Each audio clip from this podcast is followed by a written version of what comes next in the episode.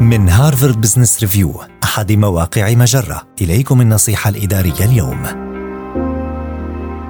الخطوات التي تمكنك من التغلب على التحيز ضد العمر في شركتك.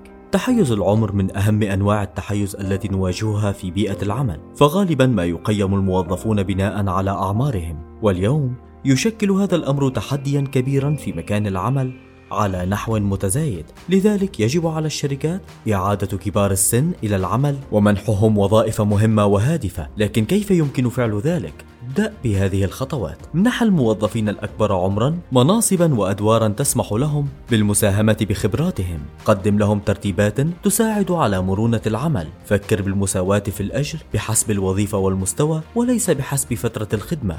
أدخل التنوع في الأعمار ضمن برامجك المفضلة للتنوع والشمول والمساواة. منح موظفيك الأكبر سنا أدوارا إدارية وإشرافية وإرشادية. درب مسؤولي التوظيف لديك وعلمهم على عدم التحيز ضد كبار السن. علم القادة الأصغر سنا طريقة مساعدة الموظفين الأكبر سنا وكيفية إدارة كبار السن الذين ينحازون ضد أنفسهم.